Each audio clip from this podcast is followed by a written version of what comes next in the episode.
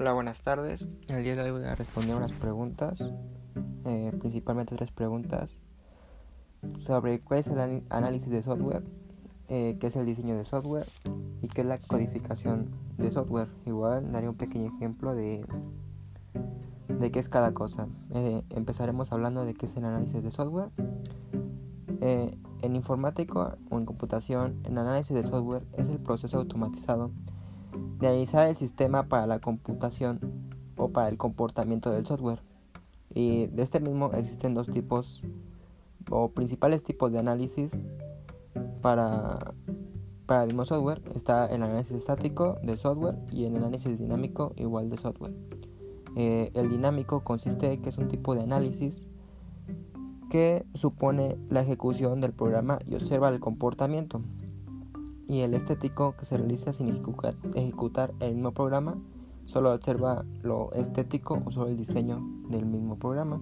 Un pequeño ejemplo podría ser, eh, hablando de lo dinámico, eh, ver por ejemplo si nuestro programa de, supongamos de una inscripción hacia un programa médico, funciona, que si realmente capta los datos, eh, ya sea nombres, edades, cualquier tipo de registro que pida, que si realmente lo capte.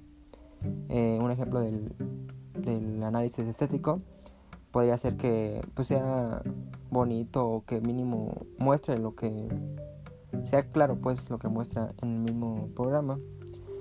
Bueno ahora hablaremos del diseño.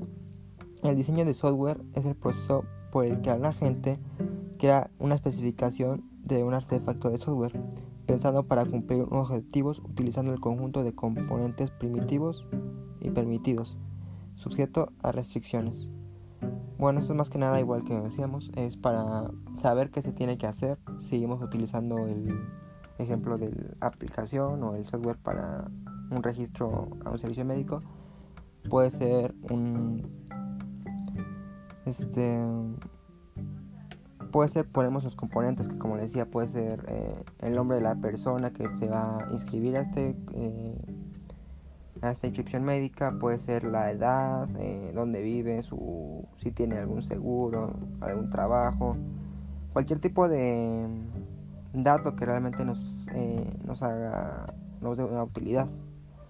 Y por último hablaremos de la codificación. Esta consiste en elegir un determinado lenguaje de programación y este lenguaje lo tiene que codificar para, tiene que codificar toda la información anterior y llevarlo a un código fuente. Pues como se decía, tenemos que utilizar un programa de puede ser C++, Python o cualquier tipo de programa de codificación para llevar a cabo este programa médico y que realmente funcione. Esto sería todo por hoy. Espero que lo disfruten y les haya resolvido una duda. Gracias. Hasta.